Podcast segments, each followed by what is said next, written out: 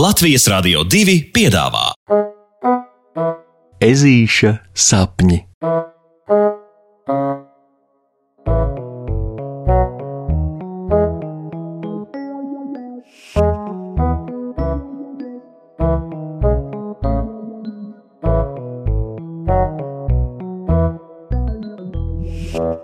Ezītis nevar pakustēt.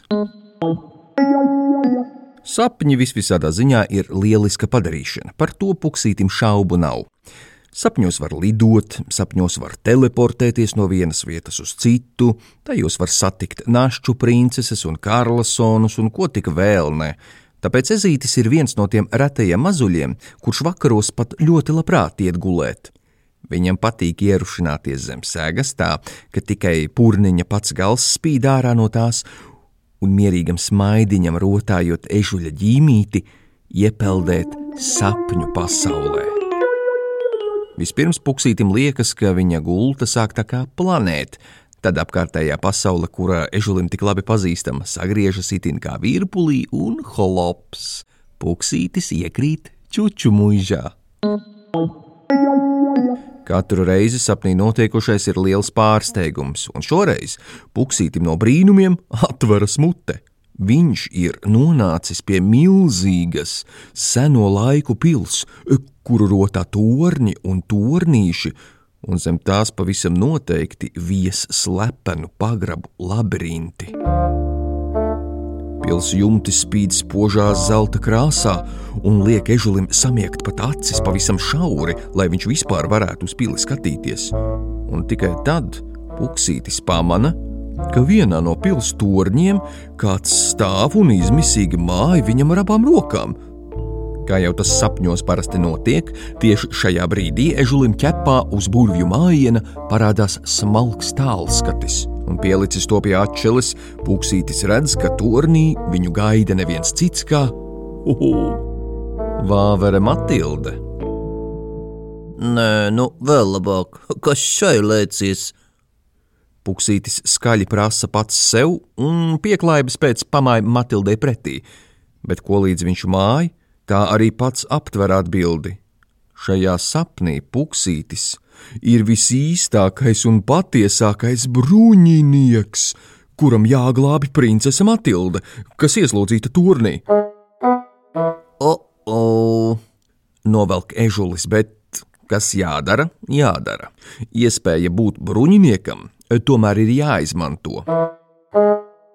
Apgriezies ap savu asi, Puksītis ierauga, ka turpat netālu zemē mētājas milzīgs zobens.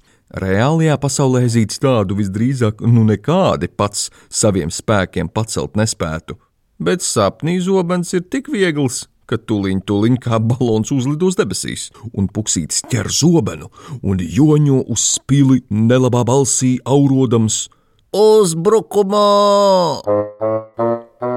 Pils no iekšpuses ir vēl brīnumaināka kā no ārpuses. Tā visa mirdz krāsainos kristālos un met bezgalīgi daudz saules zaķu uz pils tumšajām sienām līdz pašām torņu smailēm. Un pilī vēl smažo pēc kakao, un kaut kur labi tālu pavisam klusiņām skan tāda maiga un skaista mūzika. Ho, ho, ho, maģiski! Puksītis nolaidis zobenu gar sāniem, skatās uz visiem tiem brīnumiem, kas viņam visapkārt pilnīgi apmāc. Patīk! Atskan lēna un dobja balss puksītiem pie paša auss. Aha! Ežulis, joprojām aizsapņojies no apkārt redzamā skaistuma, atbild dobjās balss īpašniekam, un tikai tad aptver: Paga, paga! Kas īsti ir tas runātājs? Un ko līdz puksītis iedomājas šo domu, tā jūt, ka viņam uz skausta kāds dvešs karstu elpu. Ežulis metas riņķī un ceļ milzu zobenu sev virs galvas. Tikai, protams, kā tas sapņos nereti notiek, zobens vairs nav zobens, bet banāns un ieraudzījis, ka puksītim pretī stāv milzīgs pūķis, kas spīd tumši lilā, zvīļojošā krāsā, un jau ver vaļā muti, lai ežuli apēstu, viņš met to banānu pūķa rīklē un mūk, ko kājilis nes uz tuvākajām kāpnēm, kurām pavisam noteikti jāvada augšup uz torni, kur Matilde. Puksītis lec pa kāpnēm, vairākus pakāpienus izlaižot un dzird, kā viņam aiz muguras klepo un rājas mežonīgais pūķis.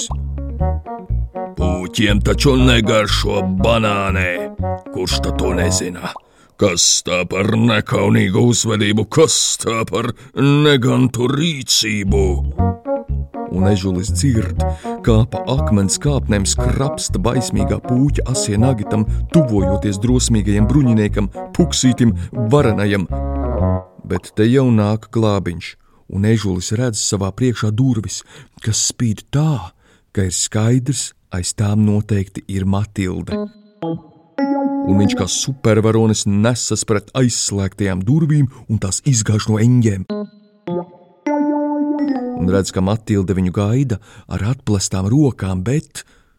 Mm, Puksītis vairs nevar pakustēt. Viņam liekas, ka viņš ir kādas burvestības sagūstīts, un ar to arī cīņa būs zaudēta, un puķis tuliņ, tuliņ apēdīs gan puksīti, gan Matildi. Ezītis ir sastindzis kā akmenī.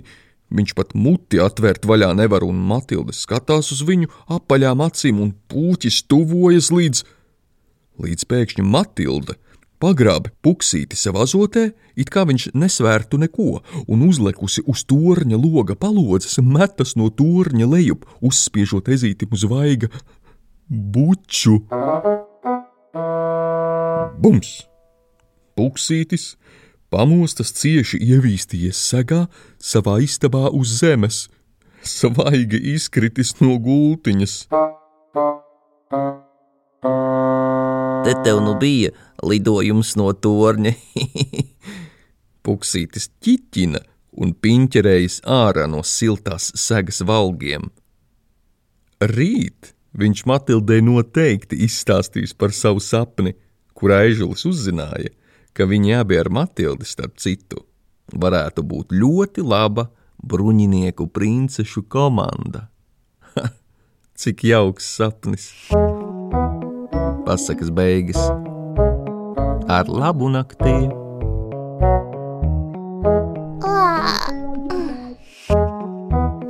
Saldus tev sapnīšus un tiksimies rītdien!